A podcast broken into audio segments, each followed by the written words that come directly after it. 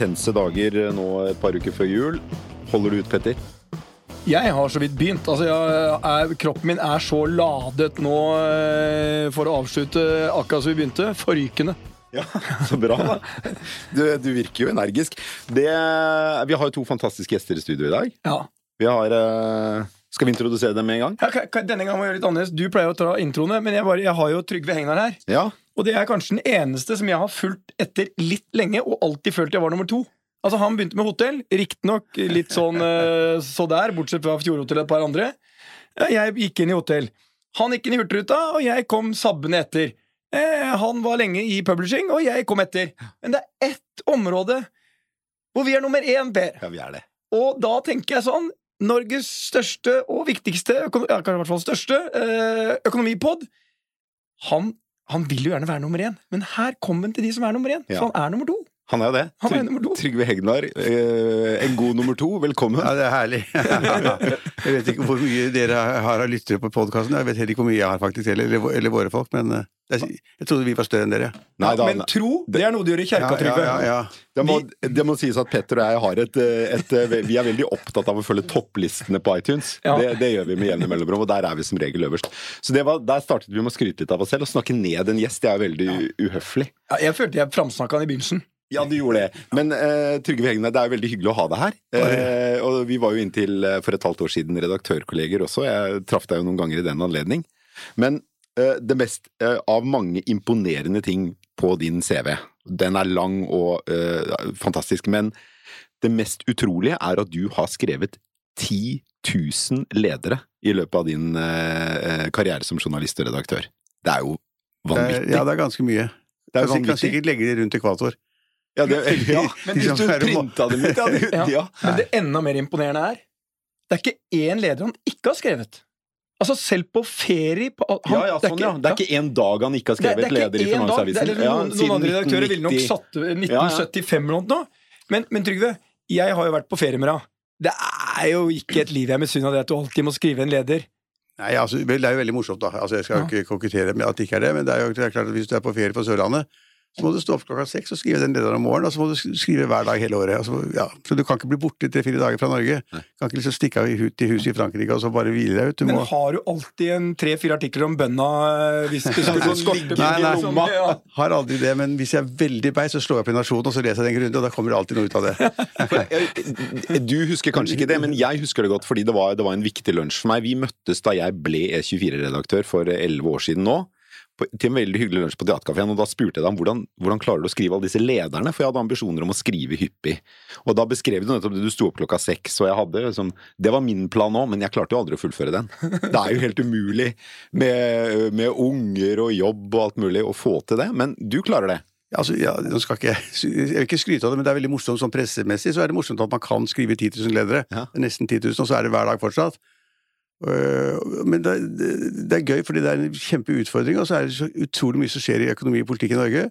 At det går. altså Mange tror at jeg da har liksom ferdigskrevet, eller fått det ferdigskrevet fra noen andre, tre, fire, fem som ligger i skuffen, så plukker jeg frem det hvis jeg liksom har dårlig tid og sånn. Det har jeg aldri. Nå har jeg aldri liggende en eneste igjen. Men jeg hadde ofte følelsen av at ja, men dette har jeg jo skrevet om før, så jeg gidder ikke gjøre det igjen. Men, men du skriver jo om, om bønder, blant annet. Altså et av Men dine, ikke hver dag. Nei, ikke hver dag, men det er jo et, av dine, tror det. det er jo et av dine yndlingstemaer, er jo norsk landbruk. Og det er jo en del du skriver der som du har skrevet før òg. Kjenner du ikke at du liksom ah, Nei, men det er, jo, det er jo fakta som er de samme som tidligere, og det er en del resonnementer som er de samme, men det er jo nye ting hele tiden, da. ja. Jeg skal ikke ta mot det fra han, vi må til neste gjest, men Trygve, jeg kan bare et kjapt regnestykke. Du har ca. 7500 ledere igjen å skrive. Ikke tenk på det, bare du får skrevet noe om den i morgen. Vi må til neste gjest. Det er jo eh, stallmedlem og en av våre absolutte favoritter, Kjersti Hobbel, Nille-sjefen. Velkommen. Jo, takk for det. Det er takk hyggelig, for å, hyggelig å se deg. Ja, veldig hyggelig å være her. Og som, jeg er jo egentlig bondekone, da. Jeg bor jo på gård. Så jeg bør jo kanskje ta en prat med Trygve etter eh, sendingen om kanskje han skal finjustere litt grann, eh, i omtalen av alle disse forferdelige subsidiemottakerne. Nei, jeg er ikke å si det. det, er, det, er, det, er, Men du bor jo ikke på en middels gård, Kjersti. Jeg har sett et par bilder av den, og den, den Du kan vel printe ut lederne til Trygve og få plass inne i Ja hovedhuset, da, tror jeg jeg. kan jo det. Jeg har min min egen gård, jeg, så vi skal konkurrere om gårder. Er Ja, men altså, eh, Kjersti, er det bra kok i Nillebutikken nå? Nå nå, nå er, det, nå er det på absolutt toppsesong for deg. Ja, nå, nå koker det både her og både der. Så det koker i butikkene, og det koker på lageret, og det koker eh, på de sentrale systemene. Så nå, nå går det døgnet rundt, og det må det gjøre. Skulle ikke Nille skifte ut alle varene sine? Alt var galt, det man hadde fra før. Og Nei, alt er ikke galt, nye- men det kan bli så veldig mye bedre. Hvordan vil du Ja. beskrive det? Du, du, du, du overtok jo Du gikk, begynte i Nille som konsernsjef der for eh, to måneder siden, kan det stemme? Ja, to og en halv måned siden. Ja. Uh, og du hadde jo ikke forventninger om at det sto kjempebra til, fordi det var jo basically et konkursbo overtatt av eh, DNB, Ja. banken. Uh, eh, står det omtrent så dårlig til som du trodde, eller hvordan er det? Ja, nå, ja, det gjør det. Fordi det er litt mangel på struktur og systemer, og det er litt eh, masse fantastiske, flotte medarbeidere. Men vi sliter jo litt med logistikken, vi sliter litt med ERP-systemer, vi sliter litt med å ha relevante varer, gode nok varer, som kommer tidsnok ut til kundene. Så vi har, vi har potensialet, vil jeg si, Ja. til å bli bedre. Og gudskjelov og takk for det. Petter, har du, har du noen gang vært i en Nille-butikk? Jeg har vært i Nillebutikk opptil flere ganger. Men eh, du må huske at eh, min karriere eh, Den var i kjøpesenterbransjen, så gikk jeg ut. Så kom jeg tilbake, og vi hadde faktisk ganske mange leieforhold med Nille. Eh, Har du noen gang kjøpt noe på Nille? eh, nei, det har jeg ikke. Eh, men eh, Du er jo ikke en jeg forbinder med Nille. Nei, men det, du skal ikke skue hunden på hårene. Eh, og det er jo sånn at eh, Bare en eh, kort historie. En gang jeg møtte For eh, Trygve har nok vært på Nille et par ganger, men jeg møtte han en gang. Og da hadde jeg på meg Nei, nei, Nei, jeg har aldri en- vært på Nille. Jeg, ok, jeg har vært på Nille, da. Jeg har vært på handla på Nille. Nei, og jeg hadde på meg altså tidenes feteste Balmain-jakke med litt mye gull på. Så mente Trygve at han hadde samme jakka. Ja. Det endte med at han måtte forklare Jeg sa ikke Trygve, aldri i verden. Jeg har jo sett Du er jo altså, Vi skal ikke ta Trygves klesstil, men den kommer jo ikke inn på topp ti-lista av Best Dressed Men. Den er ikke som din. Den er ikke som min. Nei. Så viste det seg at han hadde fått en jakke av en kaptein i Hurtigruta eller noe nå. Som om det var samme, og det er litt nille for meg. Det er, det er tett opptil, men ikke the real deal. Nei, og Du kom jo inn i studio i dag med en jakke som jo får deg mer til å se ut som Kaptein Sabeltann enn eh, Petter Stordalen. Ja, men altså, en kombinasjon av Kaptein Sabeltann og en Teletubby med litt energi fra en Duracell-kanin, det kan bli butikk av det. Kapteinjakke på Hurtigruten er strålende. Det er vi enige om. Vi må, vi må til første Nå må tema. vi kjøre videre. Per, ordet er ditt. Denne uka var eh, et annet av våre faste medlemmer av eh, Stormkaststallen, Berit Svendsen. Hun er jo blitt eh, leder av den internasjonale satsingen til VIPS. Hun var storfornøyd denne uken fordi VIPS har inngått et samarbeid med Alipay, som er betalingstjenesten til Alibaba. Det er vel, tror jeg, verdens største nettbutikk. Eller nummer to etter Amazon, jeg vet ikke. Nei, etter Amazon. Ja. etter Amazon.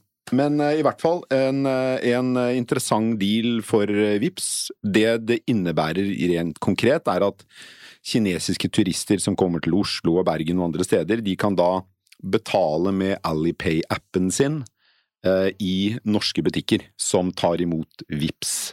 Det er en, eh, et lite, men ganske spennende skritt mot det man kan forvente vil skje i, eh, i varehandelen og betalingsmarkedet generelt. Det at eh, grensene mellom ulike lands betalingsløsninger viskes gradvis bort, og at det er mulig å komme med en kinesisk mobilapp og betale for en busserull i Bergen.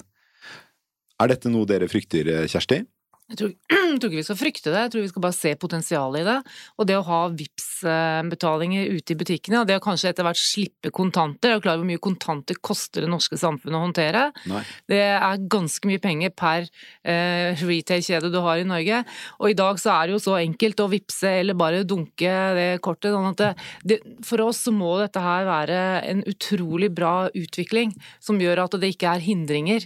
Altså den tiden hvor du må gå som eh, turist i Norge på å finne en minibank og veksle inn til norske penger og så betale, ikke få brukt de eh, betalingssystemene du har, det er jo bare et pre, eh, sånn som jeg tenker på det. Men hvor lenge er det siden du brukte cash, Trygve? Siste gang, Husker du siste gang du brukte cash? Cash bruker jeg hver dag. Jeg bruker jo ikke kort. Jeg Jeg er den eneste i Norge som bruker cash. Jeg, vet, jeg henter i, banken hver lørdag, så, jeg, så fyller jeg opp lommeboken, så har jeg cash, og så bruker jeg cashen hele uka. Så når jeg er tom, så fyller jeg opp på nytt. Dette er tull. Dette er sant. Du Gjør du det? Ja, jeg gjør det. Syns det er veldig praktisk å ha penger. Jeg liker, jeg liker Helt det. seriøst? Helt seriøst. Det er verre enn en kapteinsjakke fra Helt, 52. helt, helt, Altså. helt seriøst. Jeg bruker kort hvis det er noen store beløp og sånn, men til vanlig hvor dagligdag, til mat og greier hvor sånn. mye veksler du da i banken? 9009. 9900 kroner. Hvorfor ikke 10 000? Du til lom... Ja, for det er grensen Det i er banken. grensen på det, vet du. Du får bare tatt på ut Så. Trygve Hegnar får ikke ut mer enn 9900 kroner? Nei, ikke får ikke brukt mer. Får ikke brukt mer i uka, Ikke du du. heller. Ja, men, jeg, altså, jeg mener jo cash er bare tull. Altså, I Sverige så har vi lov til å kjøre cashfritt helt.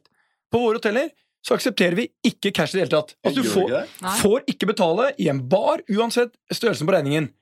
Ja, for i Norge er jo det forbudt. Du- du eh, må for, akseptere eh, cash. Du, du Du må det er akseptere lov cash. Ja. Og dette er fantastisk i forhold til svart arbeid Ja. og effektivitet. Cashhåndtering, som du Ja. sier, burde også vært mulig til Norge. For det er jo, eh, med all respekt, Trygve, du er jævlig bra, men det der greiene der Ja, men jeg har ikke sagt at andre skal være som meg. Jeg Nei, takk sånn og lov, jeg. Men du har kort. Jeg har visse kredittkort og sånn, ja, Ja. men jeg har ikke sånn butikkort og greier. Butikkort. Har sånne forretningskort fra Nille eller Nei, nei. Betalingskort, nei. Nei. nei. Men du har et ordinært kredittkort og et bankkort. Ja, Og... ja, jeg har Ja. visakort og alt mulig. Men jeg, jeg liker å betale cash. Ja. Syns det er greit å betale 350 kroner. Ja. Men på trikken så betaler du På og du trikken betaler du skal du gi- Han kjører ikke 10 trikk. Ha- kroner? At han kjører trikk? Jo. jo. Jeg kjører trikk, og det er 16 kroner. Gjør jeg for han er jo honnør, eh, honnørbillett. Nei, men altså, hvis du skal gi 10 kroner til altså, de som tigger utenfor eh, kjøpesenteret på Ullevål stadion, ikke sant? så kan du ikke spørre noe om hun har betalingsterminal. Det er ikke sånn det er. Pleier du også å handle der, eh, Trygve? Nei, av og til. Av og til, ja. ja. Ja, Hun sitter jo hun Men sitter du der sitter, alltid. Hun sitter utafor deg alltid, og jeg kan Mm. jo ikke da spørre har du betalingsterminal. Det er ikke sånn det foregår. Og det er jo liksom så jeg, det, Du kunne vipsa. Ja, vi kan Ja, men jeg har ikke vips. Det har Ja, det er sånn du gjør via mobiltelefon. Ja, det, ja, men det har jeg ikke. Du har ikke vips? Nei, jeg har ikke den appen, nei. Men, eh, Jeg betaler kontant. jeg. Og når de skal samle inn penger til noen sånn, alle skal vippse over 50 kroner, så må jeg komme med 50 kroner kontant. Men, ok, men eh, kritikken mot eh, Visa og Mastercard, som jo har en dominans i Mm. det markedet her, og som så vidt jeg husker i hvert fall, Vips også er koblet opp mot, at det er liksom den internasjonale betalingsløsningen, som riktignok er privateid, men, det, men de har jo et tilnærmelsesvis monopol på elektronisk betalingsoverføring, da. Mm. Eh, de tar jo en cut fra alle butikker som da eh, selger noe hvor kunden drar kortet. Mm. Eh, eh, er det dyrere eller billigere enn den samla kostnaden med kontanthåndtering for en butikk? Nei, sånn som det er nå, så er jo det billigere. Det er billigere. Fordi med en gang du skal ha cash-kontant, så må du, du må ha vekslepenger, du må ha Nokas å hente, du må mm. sende det i banken og får uh, nattsafe-gebyrer. Det er utrolig dyrt å håndtere kontanter. Fordi det er manuelle operasjoner Ja. som innebærer mennesker, ikke sant. Og det Manpower er det dyreste vi driver Så, med i dette så for varehandelen er eh, veien fra eh, kontanter til betalingskort riktig Det er helt både riktig. effektivisering og kostnad? Ja, ja, ja. Er, Men- tror du eh, veien fra kortbruk til mobilbetaling er et skritt i samme retning? Ja, at det vil bli billigere og mer effektivt? Kort blir borte. Det blir borte, det òg. Det Tror du? blir, ja, ja, ja. Det blir via mobilen. Det- Bare se Bilnøklene dine blir borte til slutt. Det går jo via en app på mobilen, det òg, ikke sant. Altså, du, du, til slutt så har du den ene Lommebøker blir jo borte. Ja. Det blir jo mobilen. Vi Det kommer er jo, å det, dere snakker som om dette med kortbruk er gratis. Altså, de, Vipps tar jo en pen cut opp alt, alt som da De det. handles Ja, på. ja, De er- de- de og tar jeg husker ikke om det er 1,5 prosent eller 2 prosent, men de tar en pen cut alltid. Ja, men Alle, men det er Og fordi Ali, Alipay også, selvfølgelig. Alle det er tar poenget. Jeg skal ha en cut. alle tar en cut. Og det er forbrukeren at, at the end of the day som betaler det i form av prising, ikke sant. Men, men det koster masse penger Ja, å bruke ja. kontanter òg. Det er det som er poenget. Og, det er mange andre aspekter med kontanthåndtering som ikke er bra. Um, men det, det som er interessant, det er når tror vi at kontantene er helt borte? Kjersti, Ja. hvor, hvor lang tid tror du det er før du ikke har kontanthåndtering i Nille? Jeg tror dessverre at det tar lengre tid enn det vi liker. Og, Er det fem år? I hvert fall. Jeg tror det tar ti år. fordi i Norge så er det jo lovpålagt at du må ha kontanter. Du du har ikke lov å ikke ta imot kontanter. Så vi må ha Hvis vi har flere kasser i Nille, så må den ene kassa ha kontanter. Det, det er Det, ikke lov det å høres ikke veldig bra ut. Ja, men Trygve, når tror du cashen er borte? Nei, altså kontanthåndtering. for, for det første er det lovfestet, som Ja. uh, du sier, og, og for det andre så tror jeg det er 5-10-15 år frem i tid. Det er, det er klart at flere og flere vil bruke kort, betalingskort eller VIPs eller whatever. Flere flere vil bruke det, men det er masse igjen som ikke vil gjøre det. Av Eldre mennesker som er engstelige osv. Som da skal, skal betale et brød, og så skal de ta frem en sånt kort og betale med. De syns det er rart. Og, og, og, hvis, og hvis jeg skal betale, betale garderobeavgiften på Theatercaféen, det koster 30 kroner, syns jeg er kjempesnålt å Det gjøre det er kanskje ikke terminal. så stort problem for resten av befolkningen. Nei, men det er, det er et problem at det er, det er liksom, har du terminal, hvor er terminalen? Hvis du ikke har penger, så må du ha terminal, da. Betale et eller annet. Men du kan jo betale med terminal på, i garderoben på Theatercaféen. Ja. Ja, og du kan også sette det på regninga. Men for deg som ofte er invitert ut til andre som betaler regninga, så er dette aldri noe veldig stort problem. Men ok, eh, er det, er det da sånn at Fordi hvis jeg betaler med mobiltelefonen min, så er det jo jeg som tar kostnaden. Det er jeg som betaler VIPS. Eh, Er det sånn da at eh, den elektronifiseringen eller digitaliseringen av, av betalingsstrømmene eh, Kostnaden med den flyttes fra butikkene, som jo må ta, bære kostnaden når det er kontanthåndtering, til forbrukerne, som må bære kostnaden når den er digitalisert. Du betaler jo ikke noe gebyr på Vipps eh, når du betaler hvis det er under 5000 kroner. Under 5000 kroner, Så er det ingen gebyr. Og da kan du bare dele den opp i, flere Ja, sendinger. Ja. Mm, transer. Så, og, men, men det kom jo først da, fordi den danske bank også kom med en tilsvarende løsning som VIPS, for de tok jo penger først. Ikke sant? Altså Bankene er jo grådige, det kan man jo bare Eller de skal tjene penger, de som alle andre. Så, så Vipps under 5000 for meg eller deg som vanlig forbruker er jo gratis.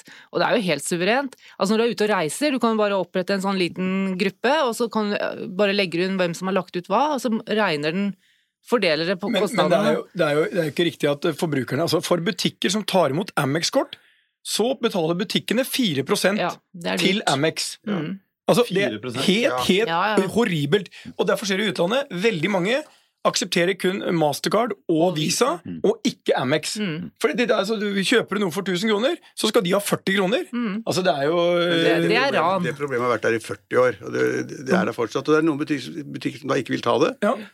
På brygga i Bryggen i Bergen kanskje, så er det mange butikker som ikke tar det. Så blir kundene jævlig sure, og så har de kanskje bare Amex, og så hva gjør du da? Og da er det fint med VIPS, som, som da kan være en internasjonal uh, betalingsordning, som også turistene som kommer til Norge, sånn at de legger igjen pengene sine istedenfor å ikke handle. Det Ja, må jo være en tar ned terskelen. Men eh, skal vi oppsummere cash-greiene, eh, så er vel panelet rimelig enige om at jeg tror vi går i retning av et kontantfritt samfunn. Lov eller ikke lov. Ja, eh, Den er jo ganske åpenbar. Ja, eh, men det kan ta litt lengre tid hvis det Trygve får rett. Men eh, hvis de hører på Kjersti og meg, så skjønner de at eh, dette bør gå fortere. Jeg tror jeg bruker kontanter to ganger i året eller noe sånt. Det er såpass. Ja, det er sjelden. Men er det ikke flaut å kjøpe en karamell for 25 øre med et kort, da? Men det er sukker i karamell, så det bør du slutte å eh, med din alder. 25 øre. Ikke det litt flaut? Vi må, vi må videre på dagens agenda. En, altså, en bolle 7,5 kroner. Ok, ja, hvor er kortet mitt? Verken boller eller karameller bør anbefales. Uh, Gulrøtter får du i pakker, og da må du. Nei, men det er jo lenge siden en karamell kosta 25 øre, og, og Jo! I dag er det rentemøte, Petter. Ja. Idet vi gikk inn i studio, så eh, kom nyheten om at eh, renten forblir uendret på 0,75 Ja. Fremdeles eh, vanvittig lavt. Vi har jo snakket veldig mange ganger om i denne poden hvor høy renten var i gamle dager. Det skal vi ikke gjøre nå, men vi kan heller se litt fremover om renten skal opp. Det er veldig mange som mener at dagens rentenivå i Norge og globalt er helt vanvittig. Og eh, vi hadde jo Knut Kjære inne, den tidligere oljefondsjefen, for noen uker siden, som advarte mot en, eh, en gedigen boble som blåses opp som følge av denne lave renten.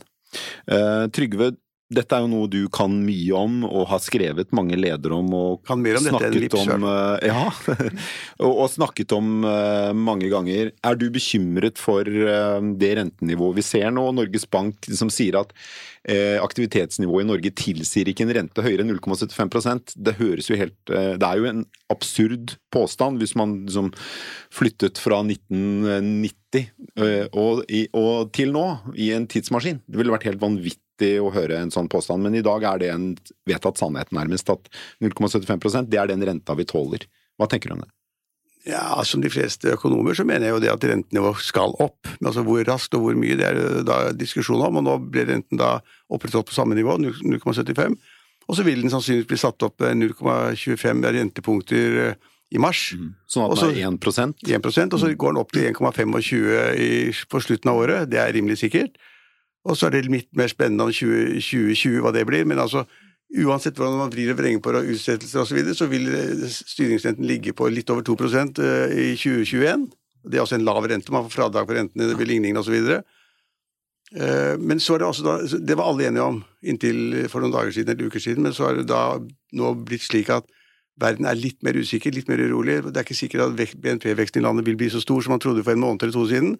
Så nå sier alle at det blir ikke den økningen i renten verken i USA, eller i Norge, eller andre land, eller i Sverige, som man kanskje trodde. slik at Uh, rentenivået vil forbli lavt veldig lenge. Og de som da klager veldig på rentenivået hele tiden, at vi bruker for mye penger, kjøper for mange hus, for mange hytter og mange biler og sånn, de ja, jeg syns de overdriver ganske kraftig. For, uh, at den boblen vi har, den er kanskje ikke så stor. eh, Men, faktum og fasiten er at renten vil forbli lavt. slik at renten er ikke noe skremmende når du skal kjøpe deg hus eller hytte eller bil.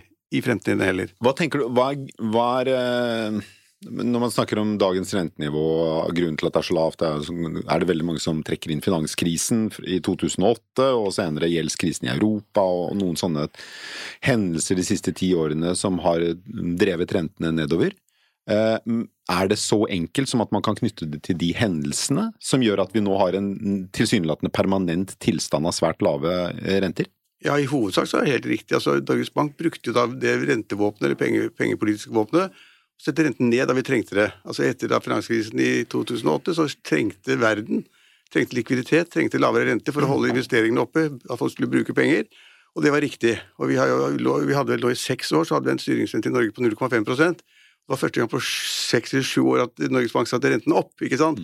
Så Vi har et lavrenteregime i alle land, og det var viktig i USA, det var viktig i Tyskland, det var viktig i Frankrike. Det var viktig i Norge. Og så er det spørsmålet, liksom, spørsmålet er om har det gått for langt? Har man holdt på for lenge? Har liksom folk fått for mye gjeld pga. lav rente osv.? osv., men verden trengte det. Og akkurat nå mens man da skulle snu og få renten opp på et annet nivå, og så er det sånn litt teknisk at det var kanskje viktig å få renten opp litt, at hvis man trenger å sette den ned igjen fordi at verden går dårligere, så måtte man ha noe å gå på. Og nå er det jo ingenting igjen. Nå er, så det er ikke så veldig mye å gå på. slik at eh, men, men nå, er, nå er problemet det at uh, vi får ikke den renteoppgangen vi kanskje hadde forutsett, fordi det, verden er litt mer skumlere. Og så er det slik at de likviditetsprogrammene som da sentralbankene drev med, som er litt komplisert uh, de, går, ja, de går, på slutt, går mot slutten. Uh, slik at altså, verden er litt mer eh, usikker, og da blir altså rentenivået lavere. Og så altså, må vi liksom glemme 70-80-årene da jeg kjøpte mitt første hus og sånn, og rentene var Renten var 17-18-19% og, bedri altså, og bedriftene betalte da på sine kassekredittkonti så betalte de 21 Jeg husker en, en venn av meg som ble skilt på det tidspunktet der, og han måtte jo da dele med sin hustru og barn og så greier. og og han tok all gjelden, og hun tok alle aktiva. Det, det er en veldig dårlig måte å gjøre det på. Men iallfall så måtte han da hvert år betale I 20 hvert fall for han.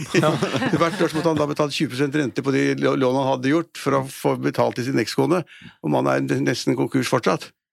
Men, men, så betaler du 20, betaler du 20% rente i året, så, så kan du ikke håndtere noen gjeld. Ikke bedrifter og ikke privatpersoner. men, men er du ikke bekymret for alle den pengetrykkingen og, som har skjedd de siste ti årene? Nei, ikke i det hele tatt. Og det tror jeg er sterkt overdrevet, fordi at eh, man måler hele tiden gjelden da i forhold til liksom BNP og, og Men altså Jeg mener at nordmenn stort sett drikker ikke opp pengene. eh, spiser heller ikke opp pengene. Ikke, ikke Petter heller. Nei, overhodet Nei, ikke. overhodet ikke. Og stort sett så bruker de det da på boliger og hus og utdannelse og reiser og så. Og det er stort sett vel anvendte penger. Eh, og den boblen de snakker om, at liksom vi betaler mye mer for husene eller hyttene våre enn vi skulle. Altså, Hva mener de med det? At vi har for mange soverom, at badet er for pent, eller at taket er for skrått? Er Eller, altså, rike? Er det et problem? nei, men vi, vi, vi, Norge har en fantastisk god økonomi, og det er jo helt naturlig at folk er brukere. Og staten bruker penger på en fornuftig måte. og så ja, jeg, jeg er helt avslappet i den gjeldssnakket som vi hører da hver uke hver måned i, i hele året fra de fleste økonomer. Men hvis du ser på øh, Sverige, vår kjære nabo, som kjører med negativ rente, tror du det er et bærekraftig regime? De har jo, de har jo en situasjon hvor de har bra BNP-utvikling, forventer 2,7% neste år, så det går med bra fart der. Og så er renta negativ øh, med en halv prosent. Negativ rente er et dårlig signal, men altså, da må man også få prisveksten opp. og Nå har det akkurat kommet tall fra Sverige som du kan mye bedre enn meg, hvor da prisveksten i Sverige ligger på litt over 2 Ja. Eh, Og Hvis prisveksten øker utover det, så vil også da det være naturlig å få da en rente, et renteløft for øvrig, og det vil man helt sikkert få. Men hvis, hvis økonomien er såpass svak at du må liksom pusse, altså pøse på litt køl, da, for å si det som det er, Ja. så er rentevåpenet det beste du kan gjøre. og Så kan det offentlige bruke mer penger til veier og broer og, ja. Og det er bygge sykehus, og det er også fornuftig bruk av penger. Så, så, så altså, I Norge bruker vi pengene ganske fornuftig, og så er det ikke veldig mange som er for gjeldet, som ikke klarer det. Så ditt råd er her er bare full fart fremover. Kjøp bolig, renta får bli lav. Eh, eh, drikk og spis fornuftig. Eh, det er fradrag på renteutgifter, og eh, du får verdiøkning på bolig over tid. Ja, Det, det jeg kan si, er at renten vil forbli lav i mange år. og Det sier også Norges Bank, så der er vi enige. Så du vil aldri binde renta? Eh, ja, altså jo, det er et godt spørsmål. Altså Akkurat i dag, hvor da du kan liksom binde renten i ti år for 3 Ja. og få fradrag for rentekostnadene, så vil jeg kanskje for de som er usikre, de som lurer på, å tegne det som en forsikringsordning, altså en forsikringspremie mot Og så høye for renter. godt om natta. Ja, det er å binde renten i ti år for rundt 3% det er en fornuftig løsning, for- fornuftig løsning for mange. Hva, hva med deg, Kjersti? Du er jo eh, du- som eh, bonde, eh, så, så har vel du fått litt av den tankegangen om at du skal eh, etterlate gården i en litt bedre stand enn den du eh, overtok den i. Så du har vel det veldig lange perspektivet her. Da er du eh, sånn bekymra for den verden du overlater dine, de neste generasjonene? Jeg tenker at eh, det beste vi kan gjøre, er å lære de eh, sunn fornuft, og det å bruke ting med måte, og ikke ta seg mer vann over hodet enn det de kan klare å betjene, sånn at de sover godt om natta. Og så får de, og jeg er helt enig med Trygve, du, du, du må forvalte ditt gods på en god måte. Eh, Du må, men du skal leve, du skal bo bra, og du skal reise og oppleve ting. Og så kan du jo handle billigere, gå på Nille og andre steder, og, og bruke penga med sunn fornuft. Du behøver ikke betale mer for et telys enn det som strengt tatt er nødvendig. Så, men, men det er noe med å gi de som kommer etter oss i generasjonen som kommer, at selv om de er vant til et lavt rentenivå, så er det også relativt sett høye priser per kvadratmeter hvis du skal bo sentralt i boområder. Eh, og men også er de også vant til en litt annen standard, jeg ser jo det. De skal jo ha det litt bedre enn det vi trengte å ha det når jeg var 20 år og ferdig med utdannelse. Da var det liksom om å gjøre å kjøpe seg en gammel leilighet og pusse opp og prøve å Her skal det være flatskjerm og er det, hele pakka. være tipp Men så, topp, men, altså. det er kanskje ikke lov å bryte inn. Jo, jo, ja, ja, ja. det er hele greia, Men så du den siste prisen for Obos i Middeltuns gate? Ja, fem- Der kommer Obos, kroner. Obos, Obos med leilighet til 95 millioner kroner. 95 000. 95 Nei, millioner. 95 millioner for toppleiligheten. Toppleiligheten. I det gamle Nordea-bygget ved siden av? Frognerparken. Ja, ja. Men er det sånn at de som har vært 250 000 kroner per, per per men er det, de, og de som har vært lenge i køen da, står de først for å kjøpe? Ja, ja. Du. Du kan Ja. få den. Du kan få den. Jeg er jo ikke medlem av Obos. Nei. det var, det var, Og det, var og synd det for deg. beste av alt er den leiligheten Hvis du betaler 95 millioner kroner for den leiligheten, du får ikke parkeringsplass med på kjøpet. Den Nei, må det du betale for i tillegg. Ja, i hvert Nei, fall. men det, det sier noe om tidene. Nå er det selvfølgelig et veldig Ja. spesielt tilfelle, og det ligger på toppen der sånn, og det Ja, ligger rett, rett ved eh, Frognerbadet og rett ved siden av Frogner stadion, og rett ved siden av tennisbanene. beliggenhet. Beliggenhet er fantastisk hvis man vil bo i byen. Og, da kan du, du kan Men Trygve, nå er det eh, snart det er ti år siden krisa i 2008. Lengste økonomiske oppgang vi har hatt. Det ser bra ut. Er du ikke redd for en ny krise? Et eller annet som kommer? Nei, altså egentlig ikke. For Kriser er forskjellige. Det er, plutselig så oppstår det en krise fordi det er handelskonflikt mellom USA og Kina. Det er en form for krise. Særskatter på biler, så er det en krise for tysk bilindustri. I Norge, hva vil krisen være her? Vi har et oljefond som er ekstremt stort. 8500 milliarder kroner eller noe nå. Og det- Kjær mente at det ikke var stort nok for øvrig. Nei, men det blir, altså, Gud, jeg er så lei de økonomene som sier det hele tiden. Det er jo fantastisk mye penger. Og du kan, hvis du tar 3% av det, så er det liksom 250 milliarder kroner i året som da staten kan bruke med Stortings, Stortingets velsignelse Mm. på hva de vil hvert eneste år. Hvilket land har den tilgang til å åpne en kran, som kommer ut av liksom 250 milliarder kroner ekstra? 25% av statsbudsjettet er renteinntekter. Ja, og, og det kommer i tillegg til de skattene vi betaler eh, av, av forskjellige typer. Og de kan jo skru om til fire hvis det skulle ordentlig hvis det skulle Absolutt, ordentlig, det er et veldig godt poeng. Ja, når som helst burde det, Før så var det fire, så ble det tre. Og nå er det noen som skal ha den der ah, pengebruken ned til to eller to og en halv. Det er jo, for meg kan de si hva de vil. altså Hvis Norge trenger bruk av de pengene, så blir det tre eller fire eller fem prosent også. Vi har et kjempefond å ta av, og så må vi holde folk i arbeid. Og vi har kjempeheldige i en periode hvor vi brukte masse penger på å bygge masse boliger og anlegg og, garasje, og garasjeplasser og lager og hoteller. Eh, Så var det veldig flott, det skapte mye vekst i norsk økonomi. Nå blir det litt mindre innen bygg og anlegg i 2019. Men da kommer staten inn eller de selskapene som er inne i oljesektoren, kommer til å bruke mer penger inn i olje, så øker da investeringene i olje- og gassektoren. Så vi er superheldige, vi har masse penger, og vi bruker, om vi bruker litt penger, gjør ingenting. Men Trygve, du har jo brukt ganske mye penger i det siste. Har jeg? Ja, du er jo det svenskene nesten ville Mer enn 9900 kroner Ja, ja, ja, ut jeg, jeg, jeg tipper Nei, altså, du, du dro til og brukte bare en halv milliard eh, på å kjøpe opp i eh, de, det som tidligere var Esso Motorhotell, som nå heter Scandic. Nå kan du kalle det Scandic, ja. Ja. Esso Ja, motorhotell. det, ja. var, det, det Ja, er jo det, det er til og med Grand Hotel, Peter, og det er Holmenkollen Park. Ja. Det er Scandic. Dere Får, får ikke lov å sette opp skiltet med. Ja, dere er hotellkonkurrenter, dere. Nei, altså, det, det er som å si at uh, hvis du har en Fiat, så konkurrerer du ikke med en Ferrari. Begge har bil. Scandic tjener mer penger, gjør det ikke det? Mye mer penger. Eh, nei, altså, jeg, jeg skal si, altså, Trygve har jo nese for eh, eh, Og det overrasker nok de fleste. Hvor mye har du putta på det? En halv milliard? Ja, omtrent. Ja. Å bruke 500 millioner eh, Og denne mannen har jo, eh, han er jo, får jo allergiutslett av gjeld. Han er den eneste som er gjeldfri også på bygg, hoteller og alt. høres jo ikke sånn ut når du snakker om gjeldoppbyggingen i verden, men Nei, nei, nei, nei, han- privat det- liker du ikke gjeld. Ikke noe hjelp på noen ting. Jeg er privat, nei, ikke boliger og ikke hoteller og ingenting. Nei, Nei. gjeldfritt. Hvis du skal selge en gang, så er det mye greiere å få en sjekk på 250 Ja, det er millioner kjempegreit. Men eh, dette er utopia for de fleste normale. Men hvorfor brukte du 500 millioner på, på Scandic? Ja, Det er et veldig godt spørsmål. Du er eksperten, så du burde gi bedre svar enn meg. Ja, det er jævlig billig, det kan jeg si til sannsynlig- Det det hadde falt 30 det var rimelig priset. De tjener en milliard i året, de har en EBITDA på halvannen til to milliarder kroner. Og Og 1,7, tenker jeg. Og så er det kjempesvære. De har 271 hoteller, det er litt mer enn deg. De har 200, nei, og de har 55 000 rom, og de er skikkelig godt drevet. Ja. Eh, eh, så- Kjedelig. Litt kjedelig. Ja, litt kjedelig. Så fant jeg ut at hvis jeg, hvis jeg skulle være i hotell, og vi snakker mye sammen, vi har det Ja. mye gøy sammen, så ville da en, å bli det, plutselig bli nummer, den tredje største aksjonæren i Scandic kunne være ganske gøy. Og så har jeg posisjonert meg der. Nå skal, jeg- skal jeg gi deg en Scandic- historie hvorfor Trygve blir rik, eller blir så rik og gjeldfri. Og forskjellen på Trygve og meg. Er, jeg, er jo, jeg er jo perfekt for sånne som Kjersti, og som har butikker rundt nå. For jeg, det er viktig at eh, vi i samfunnet bruker penger. Der er jo jeg et stjerneeksempel. Eh, Du har en Kaptein Sabeltann-jakke som koster en god del mer enn Ja, kapteinsjakka til eh, Trygve. Vi var på tur på, med Hurtigruta på Funken Lodge, for øvrig et Choice-relatert hotell, i dag, på Svalbard. Og Trygve hadde selvfølgelig var ansvarlig som styreformann, så var han ansvarlig for middagen.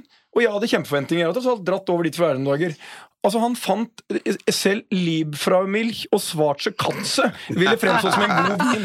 Trygve hadde funnet noe vin som eh, Og det, var grunn, grunnen til at det sto noen flasker der, var at kokken nekta å bruke det i sausen. Og Disse ville Trygve servere til oss. Så fant jeg, da, som eh, den foretaksomme gutten jeg er, så fant jeg noen flasker med en litt bedre fransk vin. Og det syns jo folk var stas. Når jeg skulle gå hadde jeg ikke hatt eh, kredittkortet mitt da, så hadde jeg vært i beit og måtte nok stått på kjøkkenet og vaska fortsatt. Hvorfor det? Fordi Trygve Fordi kom etter er det styreformannen hadde gitt beskjed om at uh, de som, uh, han som valgte egen vin, får betale for den sjæl. så, så, så Ja, men Vi er aksjonærrepresentanter, Peter. Vi må tenke på fellesskap og sånn. ikke da? Så Ja. Det var helt riktig at jeg sa til H-møtet at den regningen på de der ekstremt dyre vinene, de kan du bare sette på Peter. ja, Og så tok, men tok jeg de alminnelige vinene, men det var ikke akkurat Liv fra Milkjø og hva heter det for noe, Schwarzer Katza. Altså det var, det var i den gata. Men, eh, så det er ikke noe artig. Men eh, jeg syns det er ganske interessant. derfor går Hurtigruten bra, vet du, Peter. Ja, Fantastisk. fordi man ikke drikker vinen Nei, for vi gjør de riktige tingene. Ja, men det er, det er ganske interessant å se på eh, det der med eh, hotell som egentlig er litt sånn eh, for mange en litt sånn gammeldags, kjedelig investering. Så plutselig så kommer en redaktør og gjør en kjempeinvestering der. Eh, og du er litt bjellesau. Og jeg var overrasket at ikke flere så det, for det kan jeg si. Mitt inntrykk er at Scandic er totalt feilpriset. Eh, og at det, selskapet er meget veldrevet. Det er børsnotert i Stockholm. Det er børsnotert i Stockholm. Mm. Uh, og det har, av forskjellige grunner så har den kursen falt veldig mye, som jeg ikke helt forstår. Så uh, jeg tror Trygve kommer til å ha en veldig hyggelig reise i Scandic. Eh, så selv kjedelige hotellselskaper med litt traurige hoteller kan jo være bra investeringer. Det er litt sånn som Nille. Det går litt under radaren, men det kan bli bra. Men Det er helt- Scandic det er ikke helt litt hotellbransjens eh, skål, er det ikke det? Er det sånn? Jo, men det Det er gjør litt, jobben, det er, hvis det du ser de, men- det er litt sånn Scandic og Nille. Det er litt uh, potato potero. Ok. Nei, altså Det er kraftig uenig. For det første så er det 270 eller 71 hoteller. Det er masse å dele på. Ja. Og, så ha, og så har de da Det ergrer meg faktisk litt når jeg går i byen. og ser de, altså, altså Grand Hotel, Christian Ringnes Hvorfor får du ikke opp skiltet der? Det er ikke lov å ha et skilt engang. Det er ingen i Norge som det vet at det er Scandic Hotel. Hvis du Er det det fordi fasaden Nei, er jeg vet freda? Men Nei, det- det, er- det, det Christian, det Christian er jævlig jålete. Og Holmenkollen Park Hotel, som er et fantastisk Ringnes. hotell. Christian Ringnes. ja. Og Holmenkollen Park du er et fantastisk ikke- fint hotell som ser over hele byen. Det er også et Scandic Hotel. Så det, Ja, men- i, i, Men å ha en sånn rød. Scandic-logo på. Det, hadde jo ikke sett det ut. Litt mikroskilt, da. kom, du, altså, det er jo omtrent som Scandic. Nille skulle ha tatt over Jacobs på Holte og døpt om til Nille på Holte. Det er et eller annet som skurrer. Ja, det vi må- brandet. Ja, det er, det er brand damage. Men du må få opp det skiltet der. Bitte lite, i hvert fall. ja. Ja. Okay. Ok. Men øh, jeg syns det er eh, interessant, øh, bare sånn til eh, Kjersti. Øh, kjempespennende, og det som det driver selskaper, og det har både Trygve og jeg opplevd, det er jo Trua er ekstremt viktig. Lederen er ekstremt viktig. Eh, og jeg føler på mange måter at nå har det skjedd et eller annet med Nille. Og det er fordi de bytta en leder som folk begynte å få trua på igjen. Så eh, jeg ønsker ønske lykke til med julehandelen. Jo, Eh, takk for det. Det blir Det, spennende. blir Nille spennende. eksisterer i januar også. Ja, Men hvor ja, ja, ja. viktig er julehandelen for Nille? Hvis du, den er ekstremt viktig. Det er, du står for nesten 40% av totalomsetningen i løpet av året. er jo de er det? siste månedene. Ja, siste to-tre månedene. Så det er, det er jo viktig, og det er jo veldig sesongdrevet i Nille. Men poenget er jo at du har relevante, gode varer som er billige, som folk vil ha. Som ikke bare er ræl. Og det er det jeg sier, hvorfor må det se så jævlig ut bare fordi det er billig? Du må klare å skaffe fine ting, og ha noe å tilby som, som kanskje en dag til og med Trygve syns er ok å ha et eller annet sted. ja, som går du den kan bruke. da. Den ene kassa som har cash. Hva er forskjellen på Nille og Europris? Ja, det er ikke veldig store forskjeller, men Europris er jo mye større butikker, så de har mye bredere Men er det samme vareutvalg, er det samme sortiment, eller? Ja, de går nok litt på kryss og tvers, men Ja. Europris har mange flere varegrupper, for de har jo ti ganger så store lokasjoner. Eh, Så de har jo putta mye mer inn i butikkene. Men eh, Nille ligger, har mye mer småbutikker, som er på de små stedene. Og det er faktisk litt sånn, skal ikke snakke samfunnsmessig oppgave, men det er faktisk mange steder i Norge folk bor hvor det ikke er så innmari mye butikker. Så dere er Der- landhandleren. Vi er landhandleren er litt. ikke grann. Coop der, da? Ja, Coop de er- blir jo mer og mer De er jo større. overalt. større. Ja, nei, de, ja, de var overalt. Men hvis du kjører oppover i Dalom og ser nå, så er de fleste Coop små samvirkelagene de er borte. Det er jo Joker og Kiwi Det er som er, og Kiwi som har eh, tatt over den ja. rollen litt. Og Coop har med gått sånn store ekstrabutikker og Obs og Obs-varehus og ja. Mm. Ok, Så, vi eh, nærmer oss slutten, Petter. Ja. Men vi har en, eh, en liten nøkk til på tampen. Ukas bær. Og denne gangen var det enkelt, Per. Denne gangen var det enkelt. En av dine absolutte favoritter. Ja, jeg kommer aldri til å glemme eh, når Petter Northug i Falun på 50 km, den siste bakken eh, Og det beskrives helt fantastisk, liksom. Når alle er sannsynligvis like slitne, og du holder på å svime av, og du kjenner ikke lenger følelse i kroppen, og da sier Northug 'Det er da jeg rykker'. Altså, det, den vinnerskallen han hadde, og den ufattelige prestasjonen han gjorde der, men så er det alltid en idé. Hvorfor vant han? Hvordan var det mulig?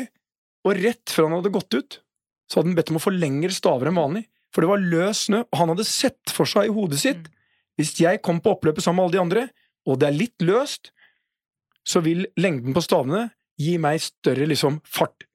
Og han vant. Altså, det, det var da han også gikk mellom to Ja. andre utøvere, var det ikke det? Jo. På disse lange stavene sine. Ja. Der ingen, det er, ingen altså- egentlig hadde forventet at noen ville komme. Der kom Petter Northug Med mellom to tre utøvere. centimeters Ja. Mm. margin og ville blitt diska hvis han hadde dunka borti de. Og så går han bare i mål, og så vinner han den. Um, Smartness og risikovilje. og, ja, og en enorm vinnerskalle. Mm. Altså, han har, han har, og på sitt beste så var han jo helt, helt formidabel. Kanskje en av de råeste, eh, og så har han jo gitt mye på kommentarsiden. Han har det. Altså, Mannen har jo vært hoffleverandør av eh, kommentarer gjennom eh, mer enn et tiår. Yes. Så det var enkelt denne uken å trekke frem eh, Petter Northug som eh, mottaker av Ukas bær. Han skal legge opp. Og så sender vi en lue til deg, Petter. Kan ikke du legge ut den på Facebook? Du har sikkert en milliard følgere på Facebook. Eh, legg ut den, da, så får vi se hvordan du ser ut i lua vår. Ja. Og jeg tror at faktisk ganske mange kommer til å synes at du ser bra ut igjen. Tusen takk skal dere ha for at dere kom i studio, Trygve Hegnar og Kjersti Håbøl. Eh, Takk. Truls Johansen har produsert sendingen som vanlig, og vi høres igjen neste uke, vi, Petter. Det gjør vi.